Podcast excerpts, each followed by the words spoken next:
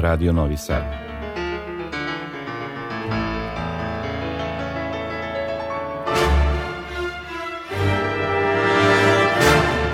Domaća muzička scena.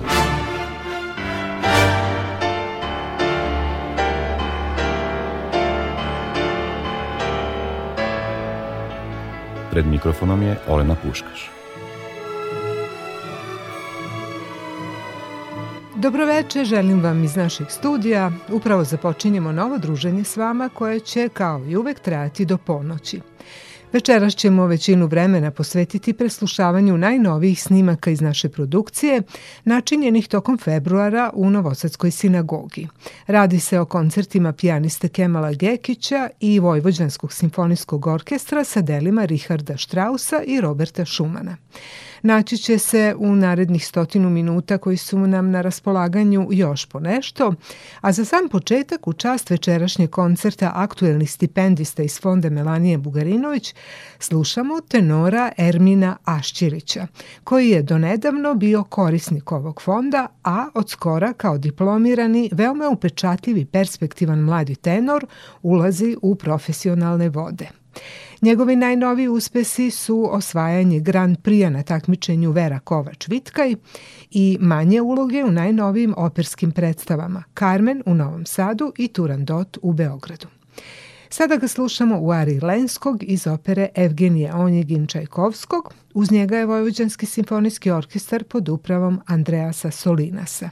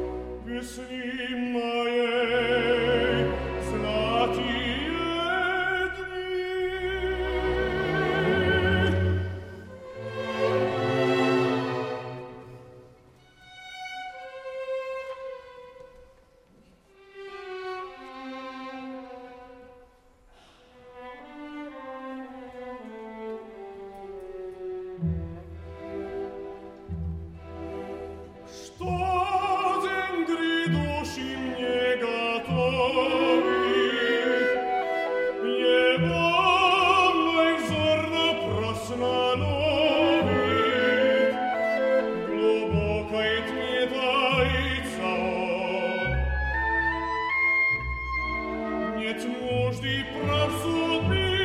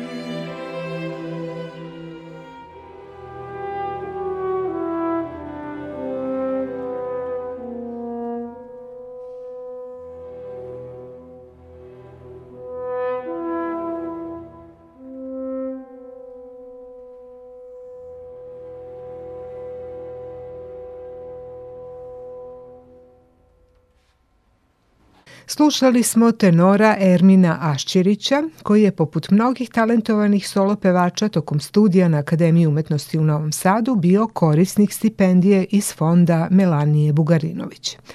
Večeras su u svečanoj sali Gradske kuće nastupili aktuelni stipendisti, a ja sam uoči toga imala priliku da porazgovaram sa gospođom Biljanom Radovanov, sekretarkom Upravnog odbora fonda Melanija Bugarinović, koja je prvo istakla njegove specifičnosti i osnovne aktivnosti. Fond za unapređenje vokalne umetnosti mladih Melanije Bugarinović i čerke Mirjane Kalinović Kalin u Novom Sadu je osnovan pre 45 godina sa ciljem da neguje vokalnu umetnost kod mladih studenta i srednjoškolaca Novog Sada.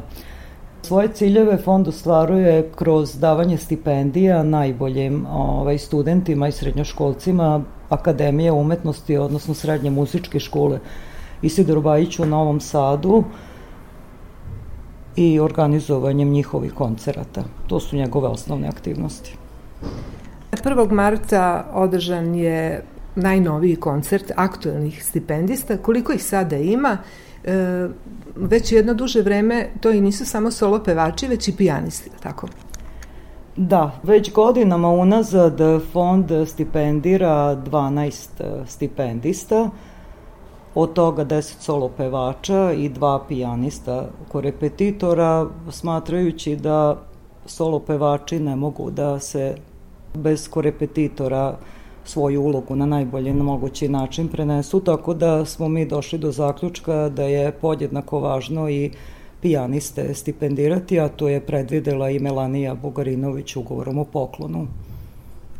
Ono što je bila želja Melanije Bugarinović e, jeste da se vokalna umetnost e, usavršava, da mladi imaju lakše uslove nego što je ona imala u svoje vreme u, u njenoj karijeri, ali i da te, ta njena zaostavština bude vidljiva ljudima nove generacije.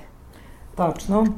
Melanija je e, ostavila iza sebe i poklonila gradu Novom Sadu e, kuću e, koja se nalazi u Beogradu, ali i svu svoju pokretnu imovinu, Tako da se ta imovina danas e, nalazi u Muzeju grada Novog Sada na Petrolajinskoj tvrđavi.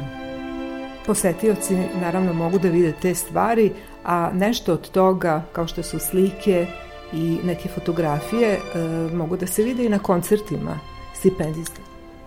Da, prethodnih godina mi smo uveli e, kao praksu da neki predmeti iz memorijala nađu svoje mesto na koncertu i time takođe doprinesu lepoti celog događaja svakako.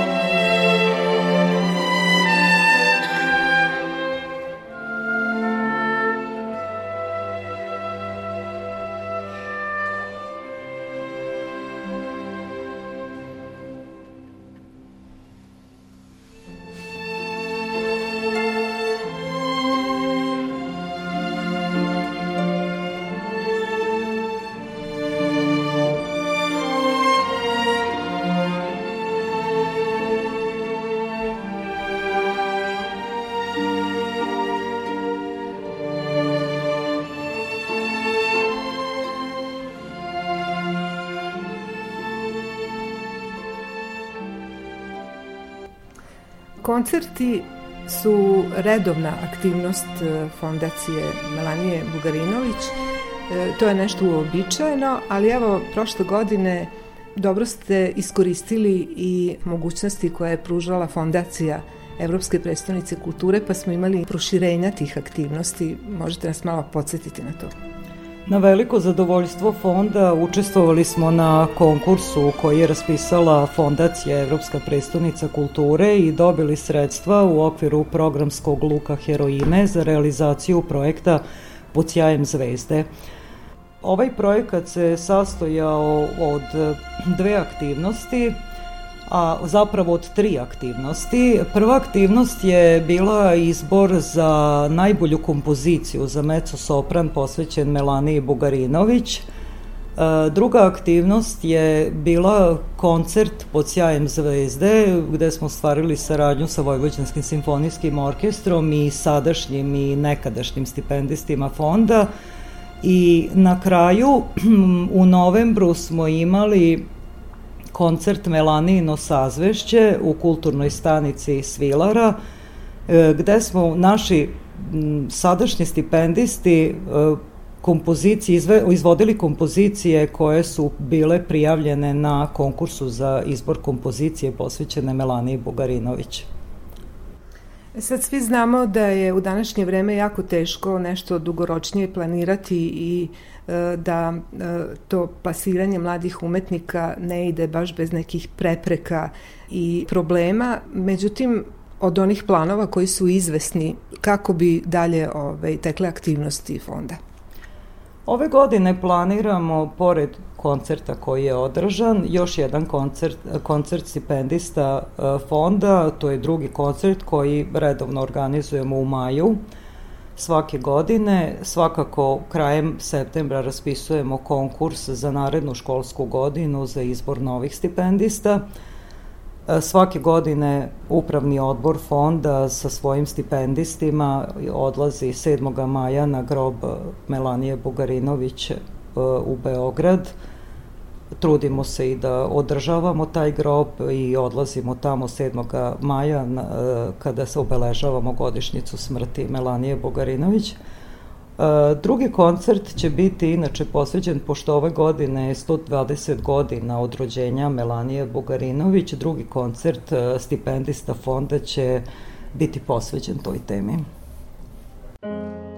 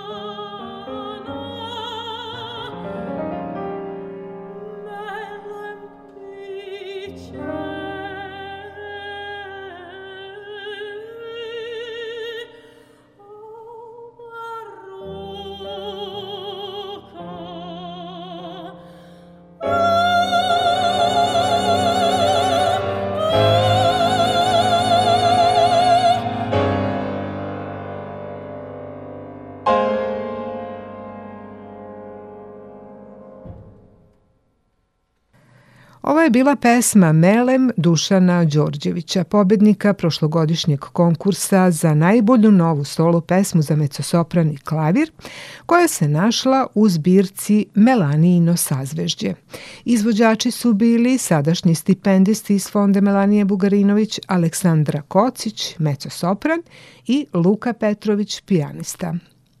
Osim večerašnjeg koncerta stipendista iz fonda Melanije Bugarinović, vrlo aktuelna informacija jeste i ta da je upravnik Srpskog narodnog pozorišta Aleksandar Stankov danas organizovao neformalno druženje s predstavnicima medija da bi s njima podelio novosti i planove koji su već uveliko u toku. Evo šta je izdvojio kao najvažnije. Ono što smo uspeli je to je da e, u prethodnoj godini zaposlimo e, 18 mladih umetnika uh, u drami, operi i baletu, da pojačamo naše snage mladim ljudima koji su negde završili akademiju i prosto prirodno je da Srpsko narodno pozorište baš njima ukaže poverenje eh, i da na scenu prvi put stupe u Srpskom narodnom pozorištu.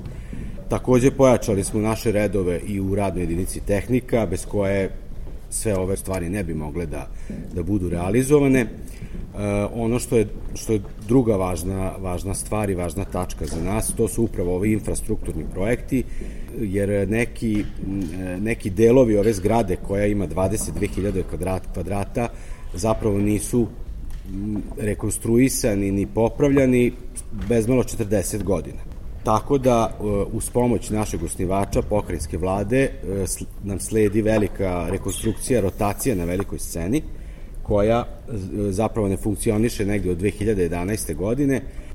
To bi trebalo i, i tako će i biti mnogim rediteljima koji budu dolazili na veliku scenu da rade bilo dramske, operske ili baletske predstave, u mnogome olakšati posao, pošto reditelji kad dođu u Srpsko narodno pozorište, naročito na veliku scenu, dobiju mnogo kreativnih ideja koje ranije nisu imali, u mnogome će olakšati rad e, na samoj predstavi, a siguran sam i publici će to mnogo značiti. U martu mesecu očekuju nas dve velike premijere. 17. marta uh, Evanđelje po Dostojevskom, uh, e, Jerneja Lorencija i 28. marta na velikoj sceni za dan Srpskog narodnog pozorišta, održat će se premijera e, operska Evgenija Onjegin, Petra Ilića Čajkovskog, koja se radi u koprodukciji sa Narodnim e, pozorištem iz Skoplja i Teatro Komunale iz Katanje. E, to je jedan veliki, da tako kažem, povratak ruskog repertoara na scenu Jovan Đorđević. Italijanski tim iz Katanje je trenutno na velikoj sceni radi predstavu. Scenografija je kompletna iz, iz e, pozorišta u Katanji sa Sicilije. Ona dolazi danas, dakle šleper stiže na teretni ulaz i istovaruje se. E, kostimi e, koji pripadaju toj predstavi, a rađeni su već u koprodukciji Makedonskog ovaj, narodnog pozorišta i, i Katanje, kostimi stižu iz Skopja. Dirigent Walter Atanasi iz Češke, Eh, podela, eh, pevačka podela je eh, naša,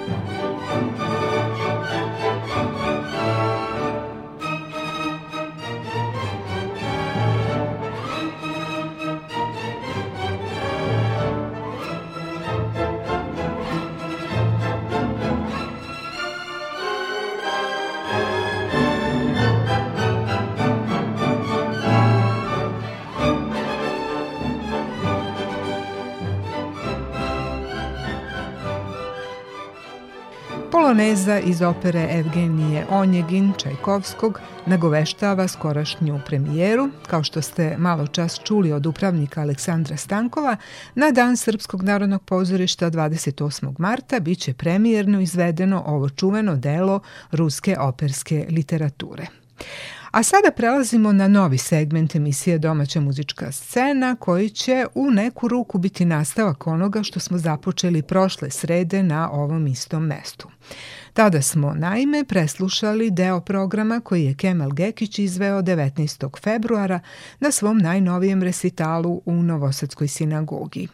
Njegov izbor je ovoga puta bio usmeren na četiri sonate iz različitih epoha, dakle Mozarta, Beethovena, Chopina i Prokofjeva. Svaki od ovih kompozitora, koji je takođe bio i vrstan pijanista, je u svoje vreme uneo velike novine u pijanističku tehniku i tretman klavira kao instrumenta. Njihovi stilovi se u mnogo čemu razlikuju, ali je svima zajedničko da su više puta tokom svog stvaralaštva posegnuli za sonatnom formom, čije su tada postojeće okvire prilagođavali novom dobu i svojim ličnim progresivnim umetničkim idejama. Osim kompozitorske zamisli i smelih novina koje je svako od ovih izuzetnih kompozitora zapisao u svoju partituru, za slušaoce i konačan utisak o delu od presudnog značaja je interpretacija, odnosno način na koji će izvođač to pročitati. Gekićev pijanizam je u tom pogledu veoma intrigantan, jer po pravilu prelazi granicu prihvaćenih standarda, donosi neuobičajene rešenja i navodi na promišljanje o tome šta spada u poštovanje određenog stila, a šta u kreativnu slobodu izvođača. Svoje shvatanje upuštanja u rizik i svoju potrebu izlaska iz zone komfora on objašnjava na sledeći način. Kod čoveka vele ima uh, sukob ta dva elementa. Jedno je element održavanja, da, se, da budemo sigurni da preživimo nekako šta god to bilo. A drugi element istraživanje nepoznatog. I ona, ta dva su u suprotnosti, ili istraživanje nepoznatog je u direktnoj suprotnosti često puta sa tim da ostanemo živi. Ono, ako ne pravimo nikakvu rizičnu uh, djelatnost, znači ako ne radimo nešto što nas dovodi u opasnost, kao recimo skydiving, kad ljudi skaču, može, jedan u hiljadu se ne otvori, pa onda ima problem, pa mu, ako mu se otvori rezervni, onda je dobar. ako ne, nekad se ne otvori, tako dalje. Ali onda tu uskače druga filozofija koja kaže jednom se živi, ako sad ne uradim to, kad ću? kad, mislim, onda ćemo umreti, tako možemo da sjedimo u zapečkiniš. Tako da tu je sad, taj balans je stvar ukusa i temperamenta, ko šta voli, pa i situacije ko, ko može, ko je obavezan. Ima ljudi koji jednostavno ne mogu sebi da priušte takve rizike. Ima koji mogu. Ima koji ne mogu da si priušte, ali ih ipak rade. E, muzičari vjerojatno su navikli da i nešto istražuju, da tra, probaju nove stvari. Mislim, ja sam jako priučen svim, svim što je novo, što je što nikad, nešto što je van mog uobičajenog, kako bi se reklo, prostora, čisto prvo da vidim da li ja to mogu, kakav sam ja u tome, a drugo, zato da izađem iz ovog svog okvira gdje sam ja. I sada ćemo čuti prva dva stava Šopenove sonate u H-molu, broj 3, opus 57 u izvođenju Kemala Gekića sa snimka naše produkcije načinjenog u sinagogi 19. februara.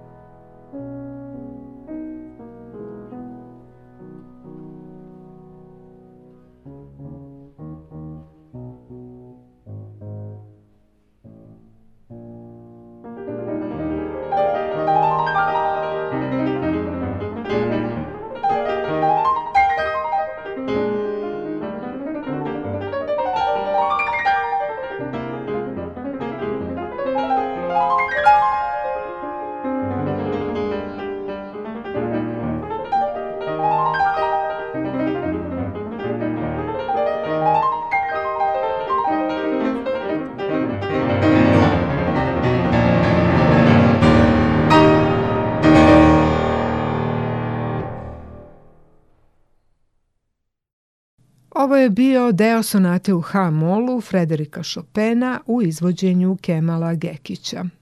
Najnovi recital, održan 19. februara u Novosadskoj sinagogi, još jednom je potvrdio da su njegove interpretacije uvek predmet žučne rasprave o stilskoj autentičnosti zbog vrlo ličnog tumačenja njenih zakonitosti, pogotovo u pogledu izbora tempa, agogičkih sloboda, isticanja skrivenih melodijskih linija i ostalih detalja koje neki smatraju strogo definisanim i vezanim za određeno stilsko razdoblje.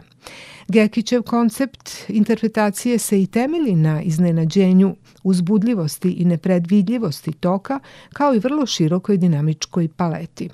Pre nego što čujemo njegovo tumačenje sonate broj 7 Sergeja Prokofjeva, slede insert u kom on otkriva svoje razmišljanja o promenljivosti interpretacije. Moji koncerti zadnjih 15-20 godina su jako avanturistički.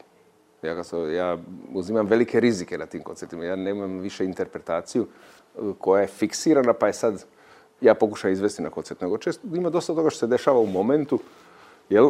I često puta mnogo toga nepredviđenog. Ne, nepredvidljivog i nepredviđenog i nekad su to dobre stvari, nekad su to stvari koje nas sve iznenade i pomisli kako smo ovo svirali, ali isto tako nisu ponovljive. I onda samim tim, kako nema te rutine u izvođenju u tom smislu, to su veliki rizici može sve da ode k vragu u svakom trenutku, mada ne izgleda tako, ali, ali teoretski, teoretski nije tako lako. Ali je to ono što je interesantno, jer e, muzika je nešto što je, e, za razliku od skulpture, to je nešto što se odvija u vremenu. I proces ne može biti jednak. Jednostavno, akustika dvorane, klavir, atmosfera diktira nešto, nešto drugo. Ja se sjećam, kad sam bio e, mlad student ovdje, u Novom Sadu, onda sam dobio poziv od Radija Novog Sada da snimim Chopinovu baladu broj 1, među ostalim kompozicijama. Ja sam to i tri puta, perfektno sam to naučio i tri puta sam snimio. Sva tri puta je ta dužina bila 10 minuta 27 sekundi. To sad nema šanse. nema šanse da, se, da bude sva tri puta ista dužina. Znači, to je bilo skoro jednako u dlaku izvođenje sva tri puta. Tako što je ta ideja tonska ideja, ideja tempa bila toliko duboko i toliko ugrađena u mene da ja to nisam mogao drugačije odsvirati, nego samo tako. Ali ja sad to mogu na sto načina sad kad bi svirao taj komad, vjerojatno i kad jedan put svirao ovako, drugi put onako, jedan put bi bio možda 9,5 minuta, drugi put bi bio 11, možda bi neki od tih bude bio i 10, 27. Mislim, nije to nije pitanje samo vrijeme, to, to vrijeme samo reflektira ono što se dešava u komadu, a u komadu znači Eh, tem, pa bi bila drugačija, prelazi bi bili drugačiji, mislim, sve bi bilo drugačije.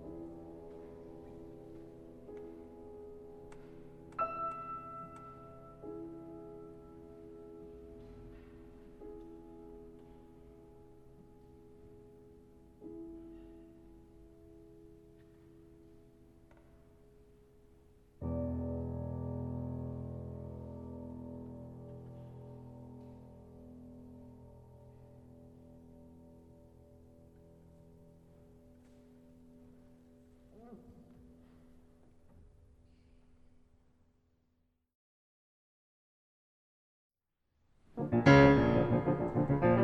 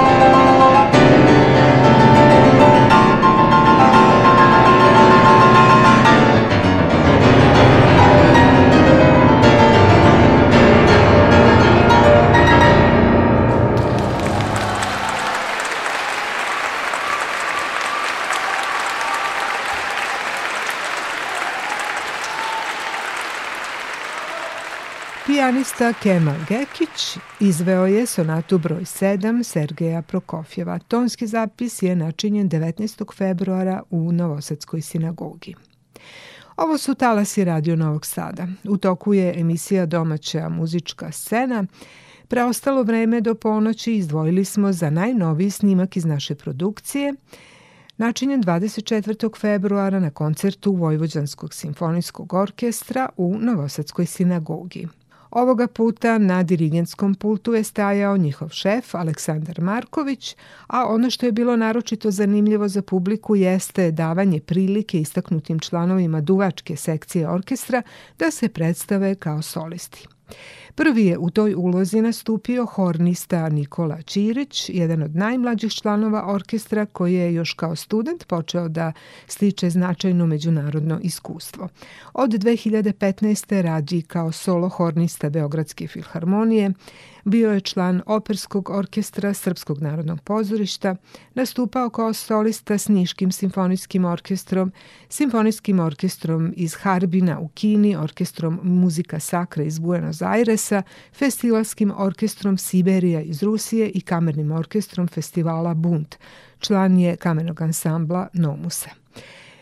Izuzetan talenat Nikole Ćirića, vredan rad i posvećenost svrstali su ga u vodeće najangažovanije horniste na našim prostorima. Ovom prilikom predstavio se koncertom broj 1 u S-duru Richarda Strausa, sjajnim virtuoznim delom koje spada u najomiljenije koncertantne komade svih hornista. Njegova autor ga je napisao veoma mlad, još dok je bio student filozofije na univerzitetu u Minhenu i zanimljivo je da je u trenutku kada je počeo da iskazuje kompozitorski talenat odlučio da svoje prvo veće delo posveti baš horni. Naime, on je od malena u kući odrastao uz zvuk tog instrumenta, budući da je njegov otac Franz Strauss bio jedan od vodećih svirača na horni u svog vremena. Sada ćemo čuti prvi stav koji počinje upečatljivom blistavom temom koju donosi solo horna, a zatim i široko razvijenu melanholičnu melodiju drugog stava koja teče u smirenom koračajućem pokretu.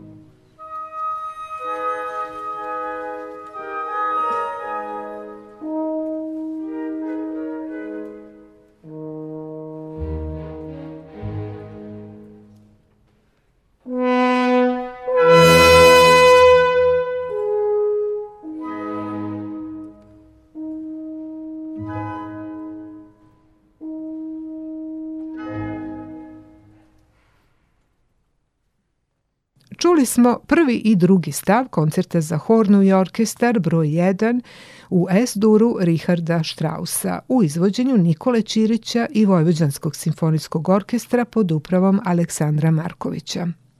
Siguran i nadahnut solista prikazao je u najboljem svetlu sve čare svog instrumenta koji u ovoj još uvek veoma romantičarski razrađenoj partituri pleni toplinom i mekoćom kantilene koja pretežno teče u srednjem i nižem registru dok joj visoki tonovi odzvanjaju reskim svečanim sjajem. Sada ćemo čuti i treći stav koncerta, Rondo, koji predstavlja duhovit dijalog razigranog soliste i orkestra sa obiljem precizno i lako izvedenih virtuoznih momenata. Thank you.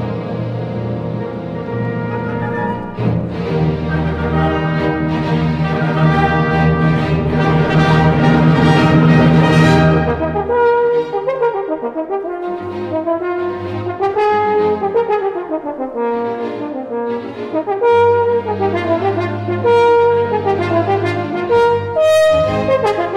you.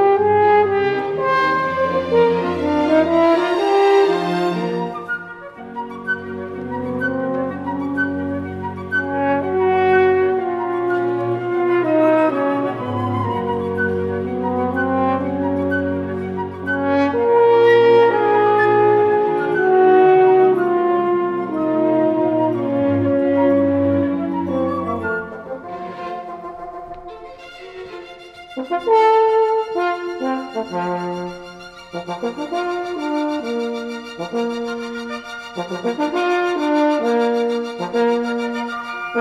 you.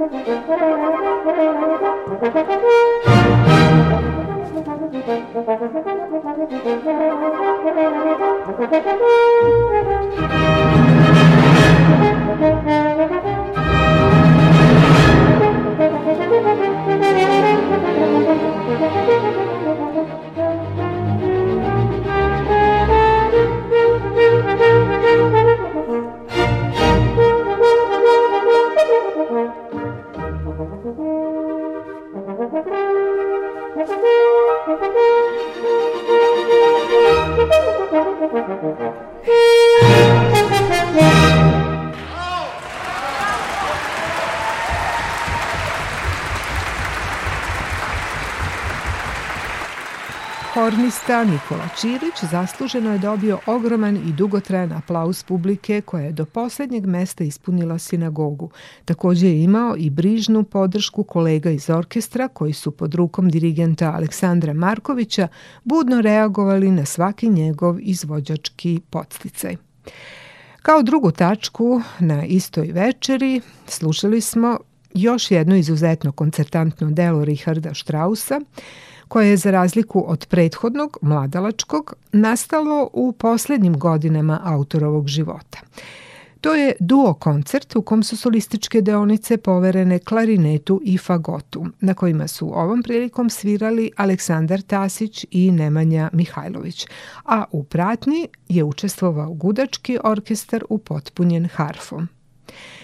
To je svakako neobična kombinacija instrumenta i njihovih boja koja potpiruje maštu i gotovo momentalno sugeriše na određen programski sadržaj. Ima više verzija te moguće programske priče.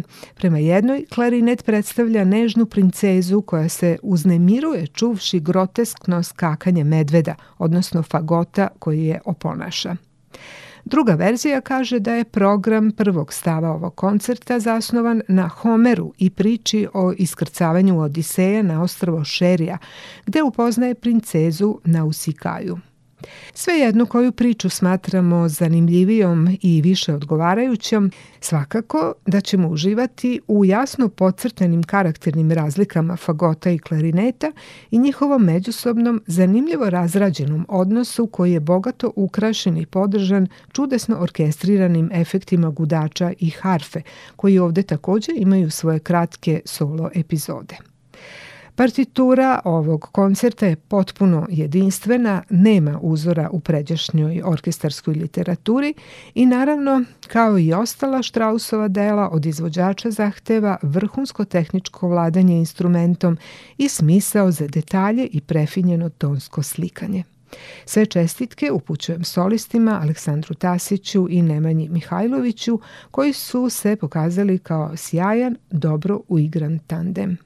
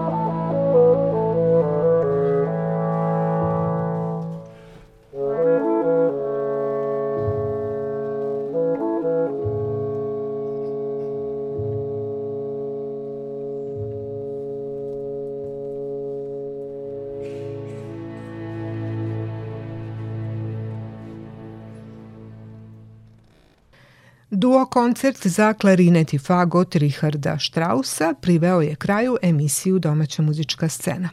Solisti su bili Aleksandar Tasić i Nemanja Mihajlović, uz njih je bio Vojvođanski simfonijski orkestar pod upravom Aleksandra Markovića. Snimak je načinjen 24. februara u sinagogi. I sada meni ostaje samo da vas pozdravim iz studija Radio Novog Sada. Moje ime je Olena Puškaš. Podsećam vas da i naredne srede od 22.10 možemo biti zajedno uz ovu emisiju i novosti iz domaćih koncertnih podijuma. Do slušanja.